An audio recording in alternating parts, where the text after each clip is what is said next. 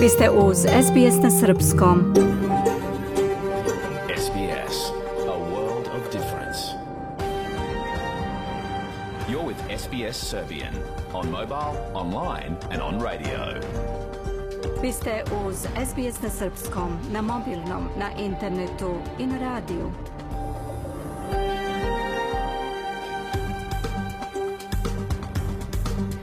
SBS odaje priznanje tradicionalnim vlasnicima zemlje sa koje danas emitujemo program na srpskom jeziku.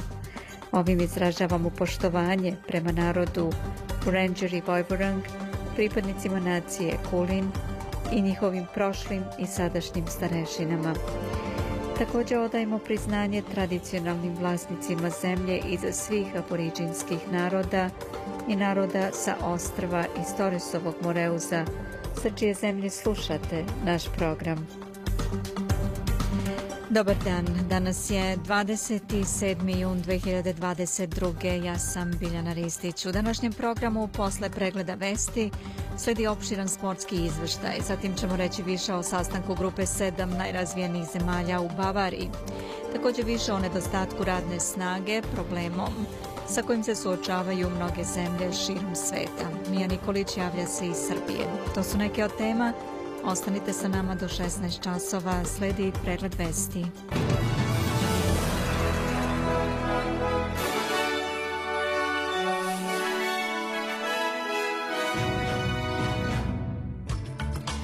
Premijer Antoni Albanezi će u toku dana doputovati u Evropu na samit NATO-a.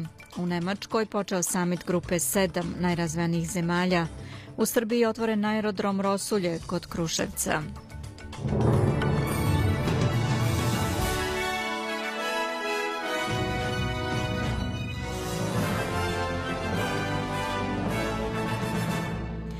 Blok vesti iz Australije pripremila je Nataša Kampmark. Nataša, izvoli. Premijer Anthony Albanese će u toku dana doputovati u Evropu na samit NATO-a, na kome će, kako se očekuje, dominirati razgovori o ratu u Ukrajini. Lideri zemalja NATO-a i ključni partneri poput Australije sastaju se u Španiji da razgovaraju o teškoćama sa kojima se alijansa suočava, uključujući uticaj ruske vojne invazije na globalnu bezbednost. Gospodin Albanizi će također otputovati u Pariz na sastanak sa francuskim predsjednikom Emanuelom Macronom, a pozvan je i da poseti ukrajinsku prestonicu Kijev. On kaže da još uvek prima savete o tome da li je bezbedno otići u tu posetu.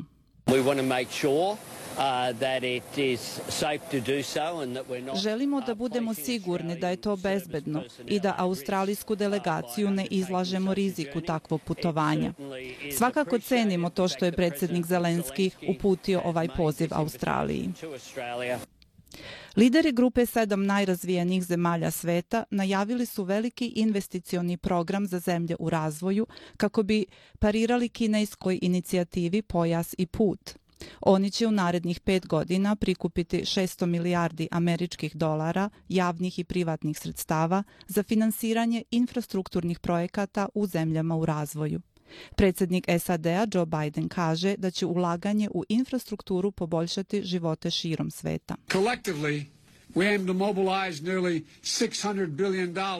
Cilj nam je da zemlje članice G7 zajednički prikupe 600 milijardi dolara do, do 2027. godine. Ova strateška ulaganja će se vršiti u oblastima ključnim za održivi razvoj i globalnu stabilnost. Detaljnije o ovom samitu biće reči kasnije u programu. U Viktoriji će danas novi ministri položiti zakletvu, pošto je laboristička vlada Daniela Endruza bila primorana na brzu rekonstrukciju kabineta pet meseci posle novembarskih državnih izbora. Premijer Daniel Andrews je tokom vikenda obelodanio novi sastav frontbenča, pri čemu je mesto zamjenika premijera pripalo Jacinti Allan, drugoj ženi u istoriji Viktorije koja se našla na ovoj funkciji. Bivši zamjenik premijera James Merlino, ministar zdravlja Martin Foley, ministar za zapošljavanje Martin Pakula i ministarka policije Lisa Neville u petak su napustili kabinet, dok se ministar za planiranje Richard Wynne penzionisao, pa je to dovelo do rekonstrukcije. Novi ministri Sonja Kilkenny, Lizzie Blantorn, Steve Dimopoulos, Harriet Shing i Colin Brooks položit će zakletvu pred guvernerkom Lindom Desau na ceremoniji koja se danas održava u zgradi vlade. Opozicioni lider Peter Dutton kaže da podržava posetu premijera Antonija Albanizija u Ukrajini uz preduzimanje odgovarajućih mera bezbednosti. Ova izjava dolazi nakon što su tokom noći u Kijevu odjeknule višestruke eksplozije u prvom napadu na glavni grad Ukrajine u posljednjih nekoliko nedelja. Govoreći za Sky News, gospodin Daton je rekao da će australijska podrška poslati snažnu poruku Evropi i svetu. Ukoliko je bezbedno, mislim da treba da ode u posetu. Nekoliko puta sam putem video poziva razgovarao sa kolegom iz tima ministra odbrane Ukrajine i oni su izuzetno zahvalni za podršku koju im pružamo. Mislim da je veza između vlade i ljudi Ukrajine i Australije sada neraskidiva. Želim želimo da Rusija što pre ode iz Ukrajine kako bi mogla da počne obnova. Dodao je da vojna pomoć Australije u Ukrajini učvršćuje njenu poziciju jedne od vodećih zemalja sveta. Hvala Nataša. Nastavljamo pregledom vesti iz sveta i regiona Balkana. Kijevom su u nedelju ujutro odjeknule nove eksplozija. Kako prenosi agencija AFP, pogođen je stambeni blok u kome ide deči vrtić. Poginula je jedna osoba, četiri su ranjene. Rusija je saopštila da je pogodila fabriku za proizvodnju raketa u Kijevu i nazvala lažnim tvrdnje da je pogodila stambenu zonu u glavnom gradu Ukrajine. Radi se o fabrici oružja Artiom koja je bila meta kao vojna infrastruktura saopštilo je Rusko ministarstvo odbrane dodajući da su tu fabriku već gađali u aprilu. Rusija je saopštila da je izvela napade na tri vojna centra za obuku u severnoj i zapadnoj Ukrajini, uključujući jedan nedaleko od granice sa Poljskom. Umeđu vremenu, Vladimir Putin najavio je u Sankt Peterburgu da će Rusija Belorusiji poslati nuklearni raketni sistem Iskander M, koji može da ispaljuje i konvencionalne i nuklearne projektile. Ukrajinci su saopštili da su Rusi u potpunosti osvojili Severodonjeck, čime Rusija kontroliše skoro ceo region Luganska i veći deo susednog Donjecka. Zelenski je obećao da će povratiti sve gradove koje je okupirala Rusija, ali i dodao da ne zna koliko će još biti udaraca i gubitaka. Vladimir Putin će naredne nedelje posjetiti dve male bivše sovjetske države u centralnoj Aziji, javila je ruska državna televizija, što je prvo putovanje ruskog lidera u inostranstvo otkako je Neda naredio invaziju na Ukrajinu. Pavel Zarubin, dopisnik državne televizije Rosija 1 iz Kremlja, rekao je da će Putin posjetiti Tadžikistan i Turkmenistan, a zatim se na razgovorima u Moskvi sastati sa indonezijskim predsjednikom Džokom Vidodom. Putin će se u Dušanbeu sastati s tadžikistanskim predsjednikom Imomalijem Rakhmonom, bliskim ruskom saveznom i najdugoročnijem vladarom bivše sovjetske države. U Ašgabatu će prisustvati samitu kaspijskih država, uključujući lidere Azerbejdžana, Kazahstana, Irana i Turkmenistana, rekao je Zarubin. Turska policija privela je na desetine ljudi i sprečila stotine osoba da se okupe na godišnjoj paradi ponosa u Istanbulu nakon što su lokalne vlasti i ove godine zabranile da se manifestacija održi. Policija je u opremi za nerede sprečila pristup trgu Taksim i blokirala mnoge ulice u obližnjoj četvrti Džihangir, gde su ljudi pokušali da se okupe. Javni prevoz u tom delu grada nije radio. Lokalne vlasti u okrugu Beoglu zabranile su sve događaje u vezi sa nedeljom ponosa između 20. i 26. juna, navodeći da bi oni mogli da dovedu do javnih nemira zbog osjetljivosti društva. Advokatska komora Istambula saopštila je da se mirne demonstracije ne mogu zabraniti. Više osoba povređeno je u eksploziji u Birminghamu u kojoj je uništena jedna kuća, dok je nekoliko značajno oštećeno, saopštila je britanska policija. Prema navodima policije, još nije utvrđen broj povređenih i stepen njihovih povreda nakon incidenta u delu King King's Sting, prenosi Guardian. Uzrok eksplozije tek treba da bude utvrđen. Aerodrom Rosulje kod Kruševca svečano je otvoren za aviosaobraćaj. Prvi sportski aerodrom u okviru aerodroma Srbije Otvoren je posle dve godine izgradnje za koje je vlada Srbije izdvojila 342 miliona dinara. Aerodrom će moći da koriste mali avioni, sportska i biznis avijacija, istakao je predsjednik Srbije koji je tom prilikom između ostalo govorio i o članstvu Evropskoj uniji i o autoputu kod Kruševca. Predsjednik Srbije Aleksandar Vučić je na otvaranju aerodroma Rosulje na pitanje da li se slaže sa ministarkom Jadrankom Joksimović da bi Srbija mogla za 5 do sedam godina biti članica Evropske unije izjavio da je realista, ali da ministarka dobro zna odnose u Uniji. To zavisi od političke i geopolitičke situacije.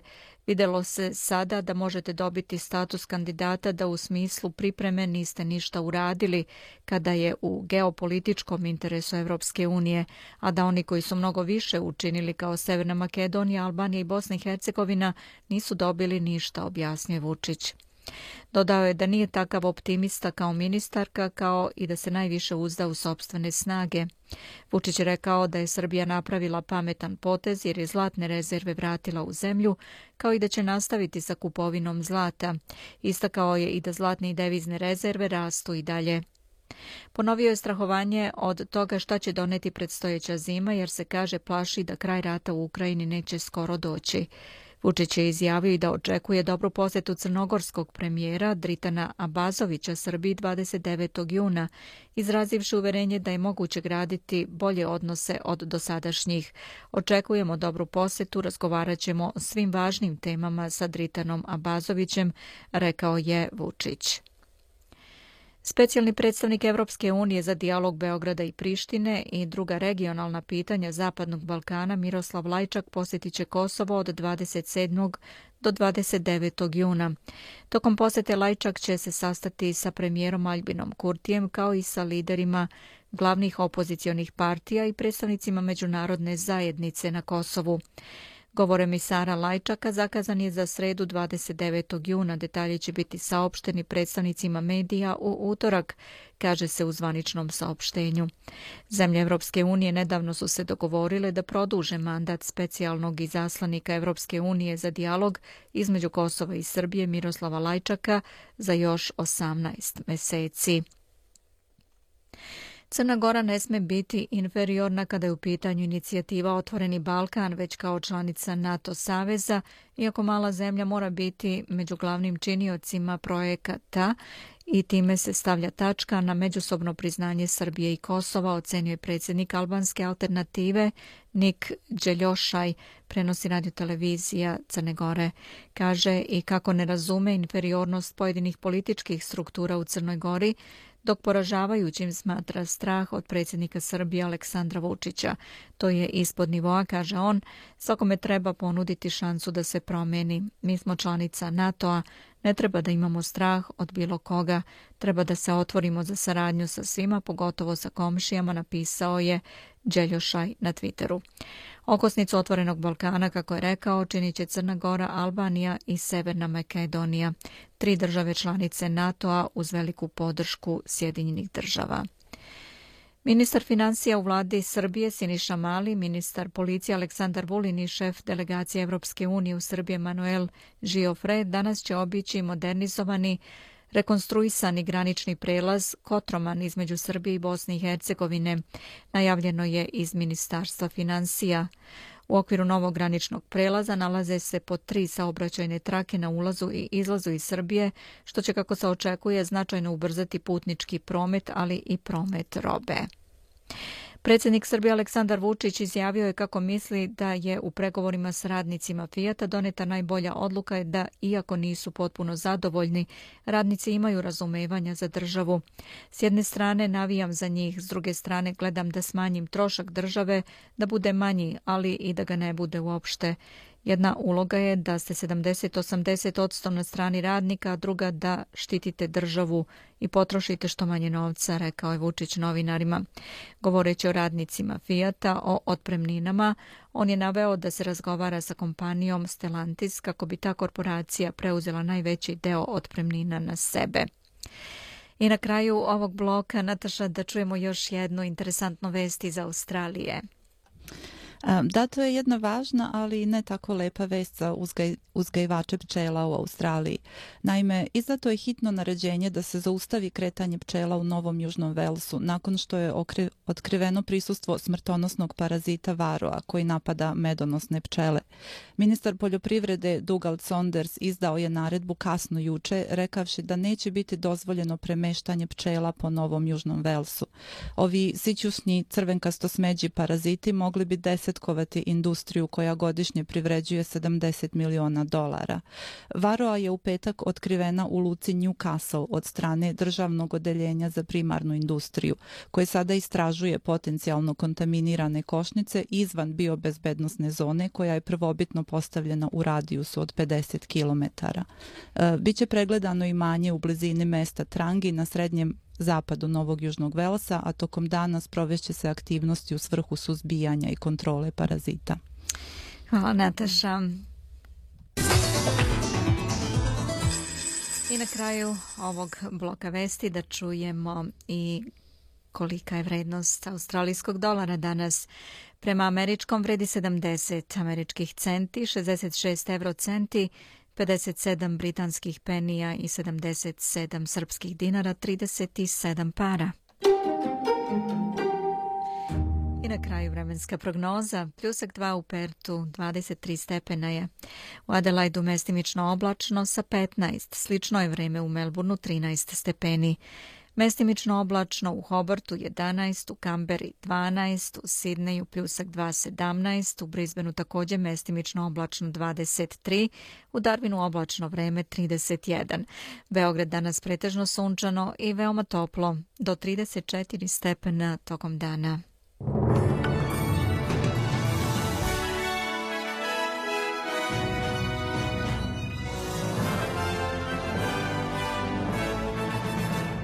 Slušali ste pregled vesti na srpskom jeziku. Za sve najnovije posetite sbs.com.au kosacrtanju. Želite da čujete još priča poput ove? Slušajte nas na Apple Podcast, Google Podcast, Spotify ili odakle god slušate podcast.